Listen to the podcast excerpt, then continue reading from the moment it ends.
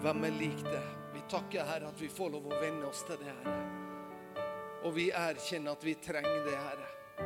Å, vi trenger det i livet vårt, Herre. Vi trenger det i hverdagene våre, Herre. Vi trenger det i det vi møter, Herre. Å, vi trenger det, Herre. Halleluja. Takker for din godhet imot oss. I Jesu navn. I Jesu navn. Amen. Vær så god og sitt ned.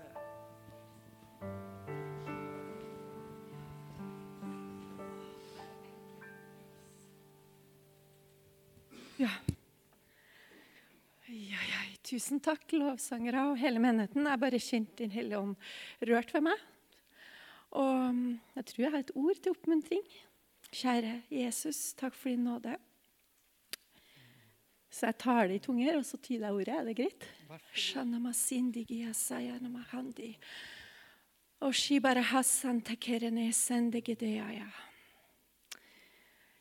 Hvis du er her som har mista håpet, så vit at jeg er håpets Gud.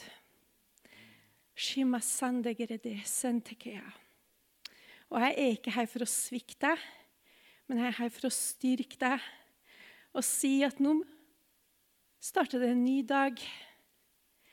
Og hvis du er her som har vondt i kroppen din, så er jeg fortsatt en Gud som helbreder. Og jeg ønsker å røre ved ditt hjerte, og jeg ønsker å røre ved dine tanker og jeg ønsker å røre ved din kropp.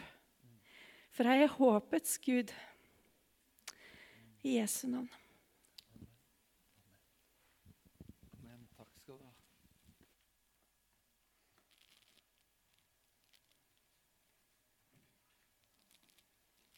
Så nydelig. Så godt å få lov å søke Herren. Wow. Det her var, det var nydelig, altså. Det er så godt når vi kommer sammen, og så bare får vi lov å fintune hjertet vår. Eh, og denne sangen vi sang nå, at vi lengter etter mer av Han, og at våre hjerter lengter. I dag har jeg tenkt å snakke om eh, hjertet vår.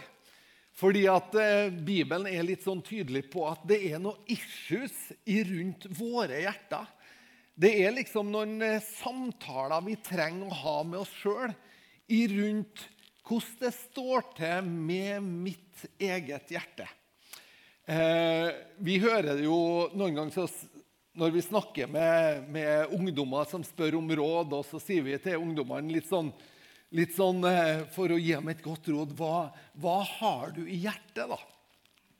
Hva er det som ligger det på hjertet? Og, og det, er, det, kan være mangt, skjønner du.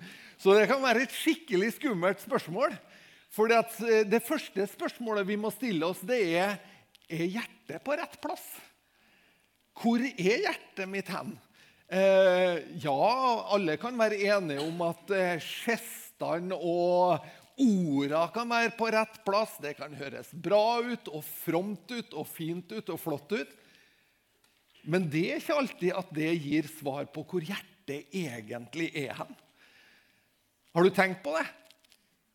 Eh, Bibelen sier det i Salmos ordspråk, det fjerde kapittelet.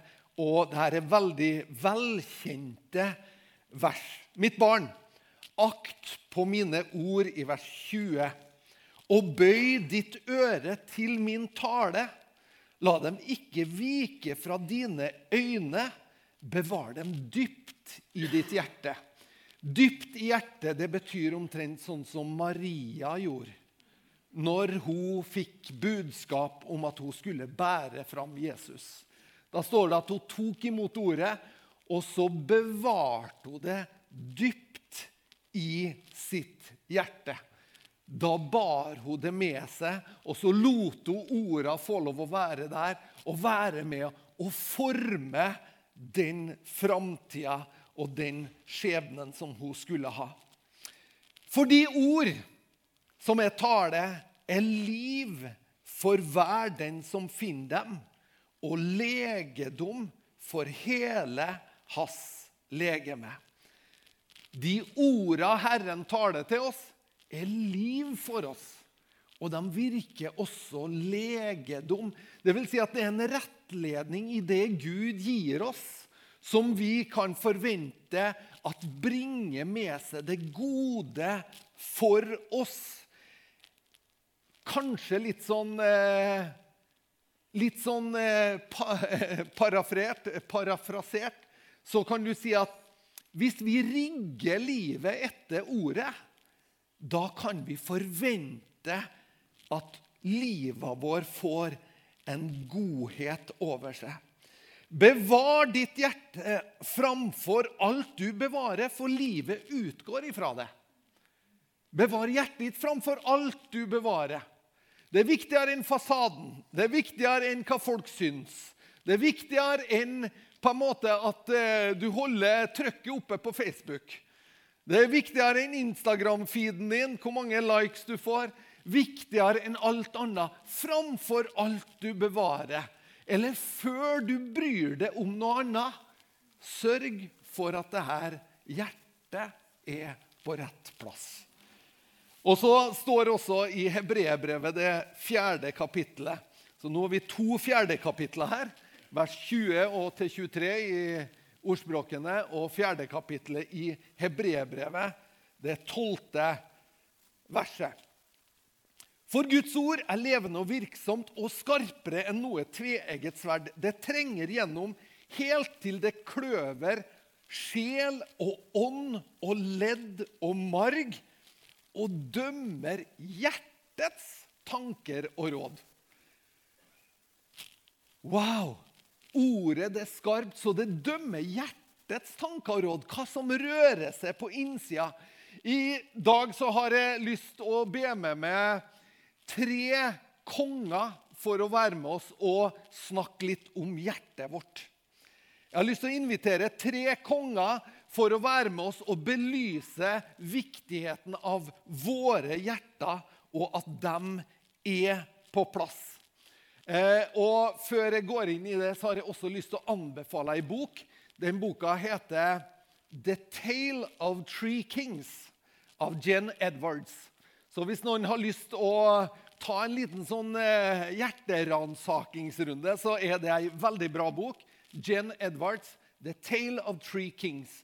Eh, men jeg tenkte nå i, i bibelleseplanene våre så har vi, jo, har vi, jo, vært med kong Saul, og så er vi, er vi liksom med kong David, og nå nærmer vi oss, eh, oss eh, avslutninga for kong David. Men noe som er spennende i det vi leser, det er jo at Saul han ble jo salva til konge. For israelsfolket ville ha en konge, og Saul ble salva til konge. Egentlig så var Saul en eh, nobody. Han var liksom ingen spesiell. Men han var, eh, det står at han var pen, og så står det at han var hodet høyere enn alle andre. Så du kommer, eh, kommer et bra stykke med å være høy og mørk. Sant? Noen som har erfaring? Vi har en høy og mørk eh, sittende ned her nå. Det er bra, vet du. Eh, du kunne kanskje vært eh, den første kong Saul, vet du. Sant? Eh, høy og mørk, det var på en måte litt sånn utgangspunktet. Men så Så kommer han litt til kort, liksom. Og Bibelen sier at mens du ennå ikke var noen, så salva Gud det til konge over Israel. Men så ser vi i Saul, eh, kong Saul sitt liv vi ser at han Det er så viktig for han hva folk syns. Det er så viktig for han hva, hva på en måte, hva, hvordan inntrykk han gir. En gang så står han og venter og har venta i syv dager med hæren sin for at eh, profeten Samuel, som da har salvene til konge, skal komme og, og liksom velsigne på den rette måten, sånn at de kan gå ut i strid og ofre til Herren. Da er det faktisk sånn at eh, Saul blir litt utålmodig, og så syns han at hva med han her eh, Samuel som driver og opprettholder en hel hær her, og vi må stå her, hvor viktig Per er han nå, da?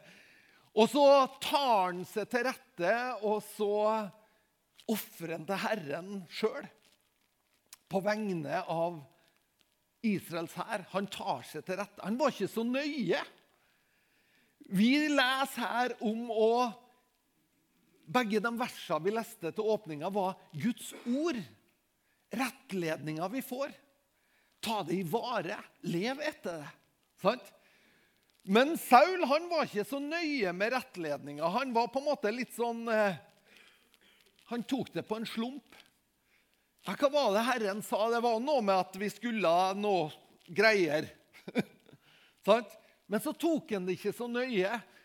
Og ved et tilfelle står det at han, eh, han skulle gå ut imot eh, en konge. Og, og profeten hadde talt veldig tydelig når det gjelder akkurat det her, denne striden. Så skal du ta livet av alt, til og med buskapen, til og med krøttere og sauen. og altså Vi som sitter her i Trondheim i 2023, vi skjønner ikke helt de sidene. Men eh, sånn var det den gang. I hvert fall så var det ei befaling. Og så kom han etterpå, og så har han gjort nesten det som Herren hadde sagt.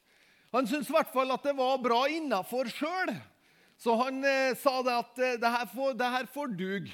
Eh, og Så kom han da med kongen, som han har tatt til fange. For han syntes jo det var litt stas å vise fram at han har tatt en konge til fange. Og så hadde han eh, også bevart buskapen. og altså Noen krøtter og noen sauer var, var, bevart. da.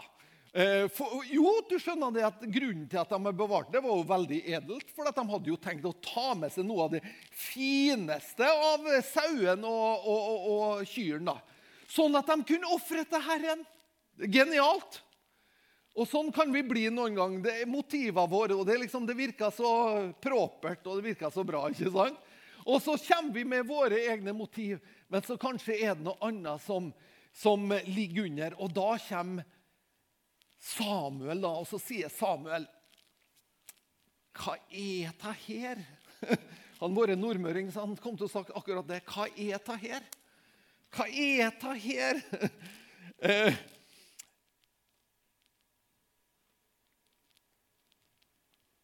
Da gikk Samuel til Saul, og Saul sa til ham, 'Velsignet være du av Herren.' Dette er liksom, De møtes etter striden. 'Velsignet være du av Herren.' Han er jo helt i storform. Eh, 'Jeg lar Herrens ord stå fast.' Så han hadde sjølinnsikt. Jeg lar Herrens, Så han mente jo det at han har ført opp Herrens ord. Og så svarer da Samuel, 'Hva, hva skal det da bety at sauer breker i ørene mine, og at jeg hører okser som rauter? Hva skal det bety, da? Hallo, Hvis du holder Herrens ord høyt, hvorfor er det da sånn som her? Og Så kommer han da med unnskyldning og sier han, ja, men du skjønner at vi har tenkt å ofre noe av det her til Herren, vår Gud. Spør du meg personlig, så møter vi en annen konge. Kong David. Kong David, han eh, Han gjorde noe som jeg personlig syns var verre enn det her. Altså, i hvert fall sånn som jeg tenker. For han eh, han gikk jo og lå med Batseba, og så sørga han for at uh, Urias ble, ble, drept i striden. Han gjorde ikke bare én ting som var galt, men han gjorde flere ting liksom, for å prøve å dekke over sin egen skyld. Nesten litt uforståelig så sier Bibelen at uh, David var en mann etter Guds hjerte. Og da blir jeg litt sånn nysgjerrig. Gud, hvorfor kan du si det? Han hadde jo også sine feil og sine mangler, og, og da blir jeg egentlig litt glad. Fordi at eh, det har vært veldig slitsomt for oss hvis David har vært fullkommen. Har det ikke det? Det har vært litt slitsomt for oss hvis en mann etter Guds hjerte har liksom klart alt og holdt seg på matta hele veien, og alt har vært i orden hele tida. Da har i hvert fall jeg følt at det er litt sånn dårlig odds for min del.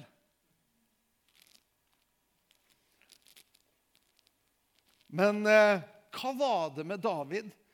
Hva er det som særpreger David? David er egentlig den i Bibelen som lærer oss om å ha et personlig forhold til Gud. Har du tenkt på det? David er den i Bibelen som viser oss at det er mulig å komme til Gud med takknemlighet, med frustrasjon, med sinne, med sorg, med gråt, med glede, med kjærlighet, med varme. David er den som viser oss at relasjonen vår til Gud kan være så nær at vi tar han med inn i det nærmeste som rører seg i våre liv. Er ikke det sant? Og så ser vi noe annet. En forskjell på kong Saul og kong David er at kong David, når han blir konfrontert med sin synd og skjønner at det er han som er ferska, da vender han om til Gud med det samme. Det gjør egentlig Saul òg. Men Saul vender ikke om med det samme. Han begynner å forhandle først. Han forhandler først. Og det betyr at han skjønner egentlig ikke at det var noe særlig gale, det han hadde gjort. Mens David, når han skjønner det, så, så lar han det treffe seg.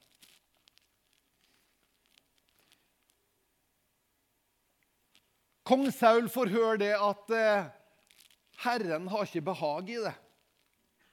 Derfor skal han ta kongeriket ifra deg, og så skal han eh, gi det til en annen i ditt sted. Det er ei rimelig tøff melding å få. I hvert fall hvis du har din identitet i det du gjør. Istedenfor å ha din identitet i den du er, og han du kjenner. Saul hadde nok hele sin identitet nå mer knytta til at han var konge. Og vi gjenkjenner det allerede når David slår Goliat og tar livet av Goliat. Og så begynner de å synge da, Saul slo 1000, David slo 10 000. Allerede da ser vi at eh, Saul sitt selvbilde slår sprekker. For hans sitt selvbilde var bygd på at han var den mest populære gutten i klassen. Og så kommer det noe å utfordre deg. Og det det kan lære oss, det er at vi kan aldri ha vår identitet i hva mennesker syns. Hva mennesker syns om oss. Det er aldri nok til å ha sin identitet der. Har du noen gang opplevd at har, det har vært noen kjendiser som har blitt populære, og så syns alle at det her er jo Norges nye gullgutt? Mwah, mwah, mwah. Og så plutselig så gjør vedkommende en fadese, og så plutselig så syns alle at det er forferdelig type. Hæ? Altså, Så lett er det, skjer det med mennesker. Men hvis vi kan ha vår trygghet forankra i Han som har elska oss Den dagen vi da får beskjed, om vi skulle få beskjeden som Saul fikk, at kongeriket blir tatt ifra deg, så sier vi det spiller ingen rolle. For jeg har ikke min trygghet i et kongerike.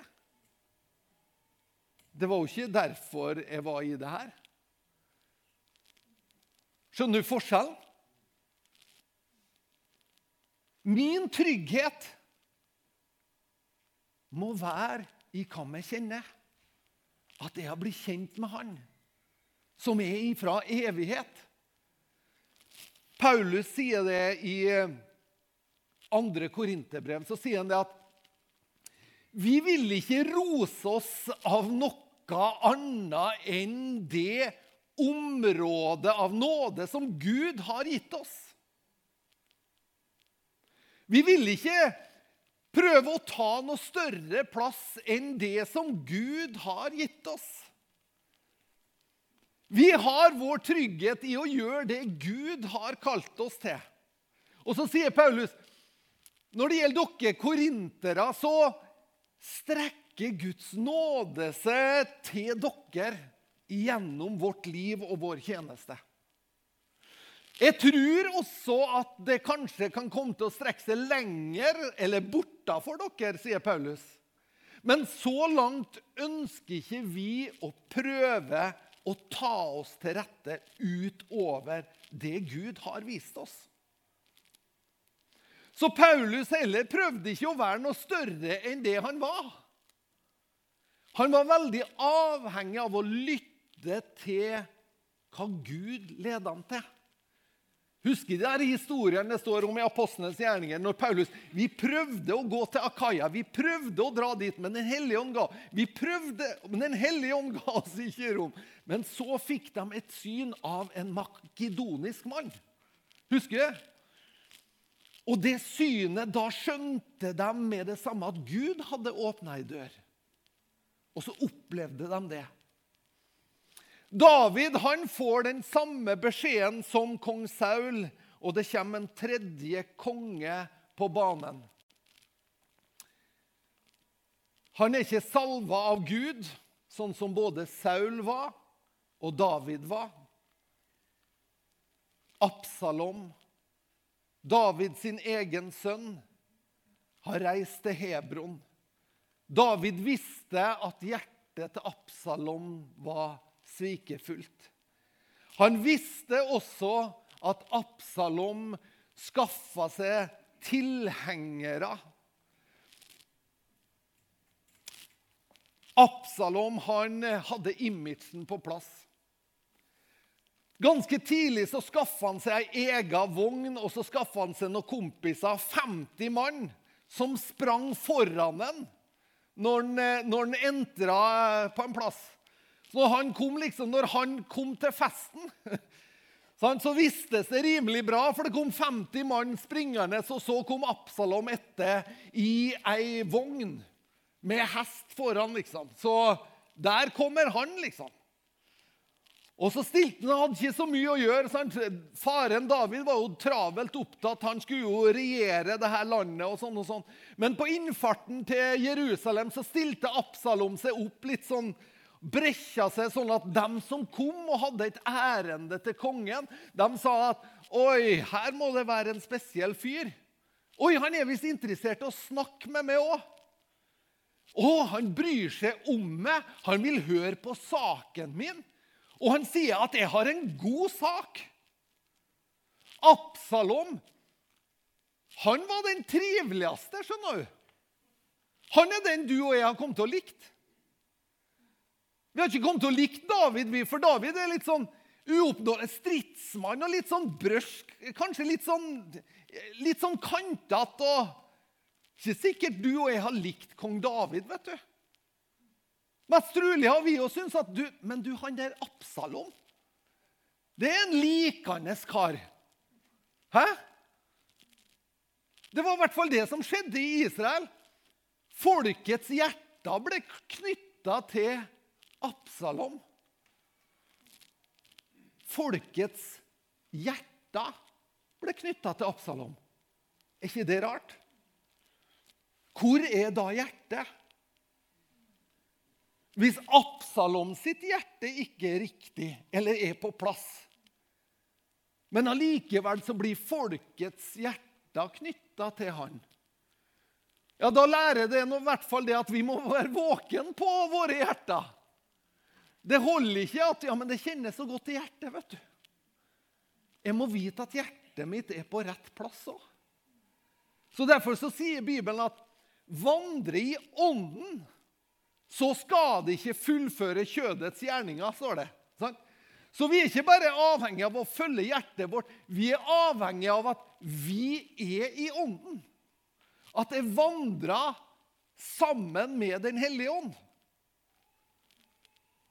Wow!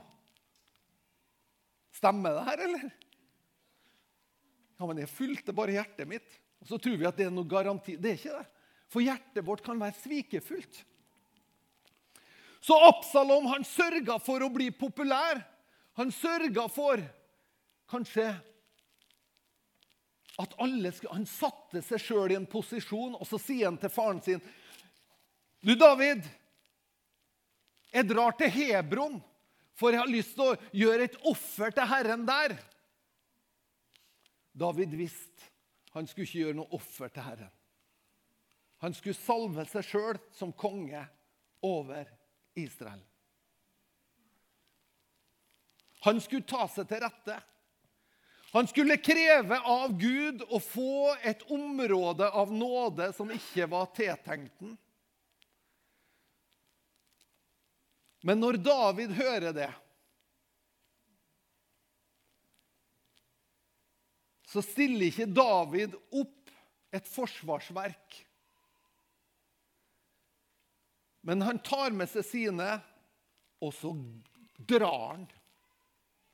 Han drar. Og så kommer han, og så er det altså det er helt surrealistisk. Men når kong David kommer gående, liksom, og, eller følget hans kommer gående, så er det altså en tulling som står og kaster småstein på kong David. Og kaster og forbanner ham Og har ut eder og galle overfor kong, kong David. Og alle Hvordan tolererer du det her? David har ikke sin trygghet i hva folk synes. Ja, skal vi ta livet av den der hunden? Hopp! Så sier David, ikke gjør det. Tenk hvis det er Gud som tar det gjennom en. Tenk hvis hjertet mitt ikke er på plass. Tenk hvis det er Gud som har tatt fra meg kongeriket. Men hvis det ikke, så veit jeg at som en spurv som flyr forbi, en forbannelse som kommer uforskyldt. Den skal ikke ramme. Men la han være. David hadde ikke sin trygghet i trona si i Jerusalem. Men han hadde sin trygghet i at han kjente Gud. Og det var viktigere for David. Så han dro, han dro ut, han dro over Jordan, han dro bort for å slippe å forsvare sitt eget domene. Sånn tror jeg det kan være for oss også. Når Gud kaller oss, så er alt liksom Wow, så deilig, så godt, så fint, så spennende. Alt er nytt, alt er fresht. Og så besitter vi posisjonen, eller så besitter vi det navnet, eller så får vi oss på en måte et, et rom som Herren har gitt oss. Og isteden for å stole på Herren for at han skal føre oss videre, så begynner vi å ha vår trygghet i den posisjonen som Gud først ga oss. Så flytter vi tryggheten vår ifra Gud, som er all gode gavers giver, til de gavene han har gitt. Så flytter vi hjertet vårt og tilliten vår til å bli at vi Ja, ja, ja. Nå må vi ja, men vi, Kanskje vi skal gi ut et nyhetsbrev, da? Eller kanskje vi skal for, Hvordan kan vi fortelle, eller hvordan kan vi vises, eller hvordan kan vi medgi? David, han Jeg gir meg. Jeg drar. Jeg har ikke min trygghet i det her. Hva gjorde Saul når han fikk beskjed om at kongeriket var tatt ifra han? Han fikk de mest strevsomme åra i sitt liv. For han prøvde å forsvare en posisjon som ikke Gud lenger forsvarte. Han prøvde å leve opp til noe som han måtte gjøre i egen kraft. Han prøvde å være noen annen enn den han egentlig var. Tenk hvis Saul den gangen har sagt det til Gud at har du tatt kongeriket ifra meg? Så deilig. Jeg kjenner egentlig at jeg fyller sko som jeg ikke klarer helt å fylle. Jeg kjenner egentlig at karakteren min bærer meg ikke hele veien i forhold til dette oppdraget. Jeg kjenner at hjertet mitt det trenger egentlig å bare få lov å være stille innenfor det. Jeg trenger å få det her rommet for meg sjøl. Jeg føler at hjertet mitt har vandra avsides. Det viktigste vi bevarer, er vårt eget hjerte. Vet du noe?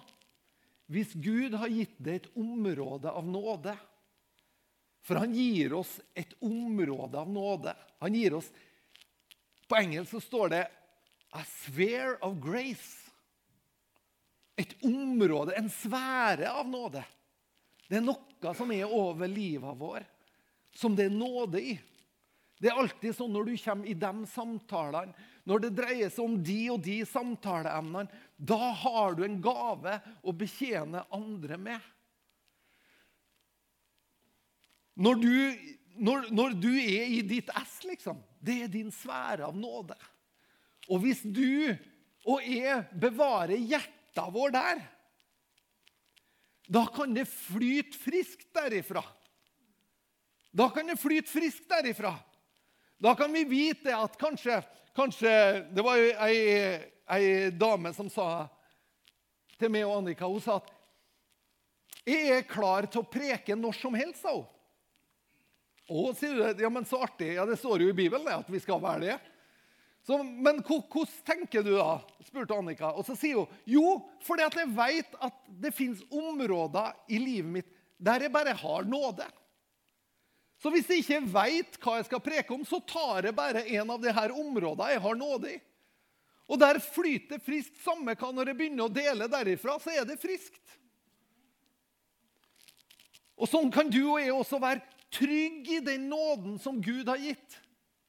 Noen ganger kanskje vi må forsvare den, sånn som Paulus måtte. Fordi at hos galaterne og korinterne så var det noen som var lurt inn et annet evangelium. Så noen ganger kanskje du må være djerv på vegne av den nåden. Men sørg for at du aldri kommer i en posisjon der du må begynne å forsvare deg sjøl. Der du må begynne å snakke din sak. Der du må begynne å hevde din rett. I hvert fall hvis du begynner å kjenne at det ikke er helt sikkert at Herren er like ivrig som det. Noen ganger kan vi bli ivrigere enn Herren. Jeg har vært i den fella minst to ganger.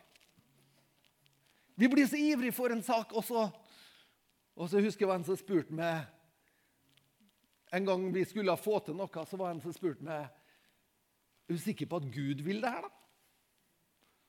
Bra spørsmål. Det er i hvert fall godt å være sikker på det. Hvis du legger masse energi og kraft ned i noe, så er det veldig bra å vite at Gud er med. At det er innafor det området av nåde som Gud har kalt det. Går det an å si at det er helt i orden at jeg forblir liten, uanselig? Det er helt i orden at jeg ikke gjør noe som er markant og stort. Er det helt i orden? Det spørs hvor vi har vår trygghet. Hvis vi har tryggheten vår i imagen eller hva andre syns, eller hvordan andre reagerer, så er det ikke greit. Men hvis vi har vår trygghet i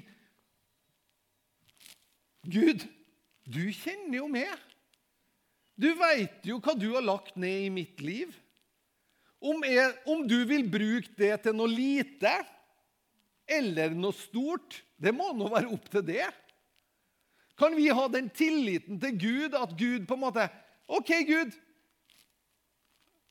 Det er greit for meg. Du veit hvilket rom av nåde du vil jeg skal fylle, og hvor jeg gjør størst nytte. Du veit også om hjertet mitt er på plass, sånn at jeg kan bære den byrden som kreves hvis jeg skal bære det som du har tiltenkt meg. Derfor, kjære venner, skal vi bevare hjertet vår framfor alt vi bevarer. At vi sjekker hjertet vår. Hvor er hjertet mitt nå? Jeg har et sånt veldig lurt hjerte. Det er noen ganger sånn at jeg syns at ting er en kjempeidé. Altså, Har du vært borti sånne kjempeideer? Det her er sånn, det her har jo aldri du gjort, selvfølgelig. Men jeg kan ha en god idé, og så finne et bibelvers til meg. For jeg er jo en åndelig mann, så jeg finner et bibelvers, klasker det på, og så sier jeg 'amen'. sier jeg. Og så, så tenker jeg her sparker vi i gang i egen kraft. Men vi har et bibelvers, så da går det vel bra. Og Så begynner jeg å be, og så skjønner jeg etter hvert at mine bønner mer, handler mer om Gud, kan du velsigne mine planer, istedenfor å komme på banen med dine. Sånn kan vi være. Sånn kan i hvert fall jeg være. Men hjertet vår, det er der livet utgår. Det vil si, skal vi finne det området av nåde som Gud faktisk har gitt oss, så må vi komme til bunns i vårt eget hjerte. Det betyr ikke at alt må være fullkomment. Det betyr ikke at alt må være på linje. Men det betyr at det må være mjukt der. Det er der det må være mjukt. Det spilte ingen rolle om Absalom var mjuk og mild imot alle som møtte ham. Mest trolig så syntes alle som snakka med Absalom, at han var meget from. Og han var sånn Nei, nei, nei, vi skal ikke si noe gærent om kongen. Nei. Men hjertet hans var ikke der. For i hans eget hjerte så forakta han kong David. Og så sier kong David, 'Gud, hvis du vil ta kongeriket ifra meg' Det er ikke mitt. Det er ditt kongerike. Vær så god, ta det ifra meg. Og så vet vi at Absalom han ble hengende i et tre etter håret. Den dagen han skulle så tøft tilintetgjøre sin egen far.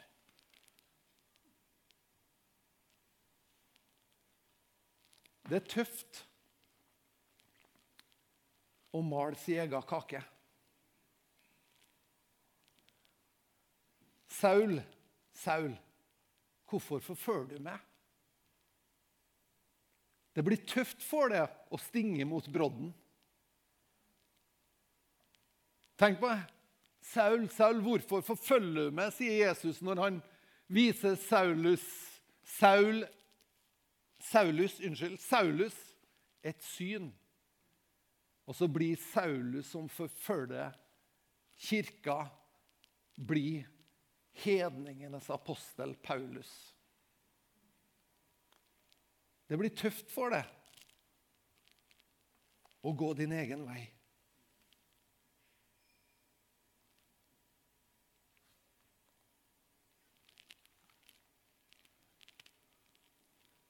Hjertet vår framfor alt vi bevarer.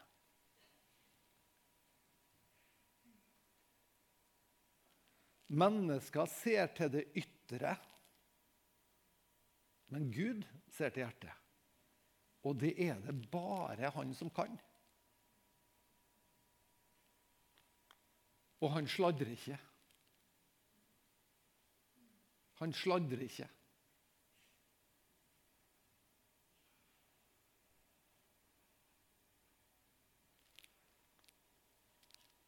Men han vil at du og jeg skal ta det med han. Sånn at våre hjerter kan være på plass. Amen.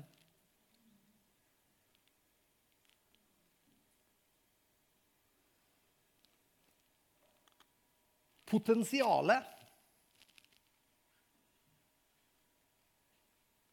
i et folk som lever tett på Gud i sine hjerter, er fantastisk.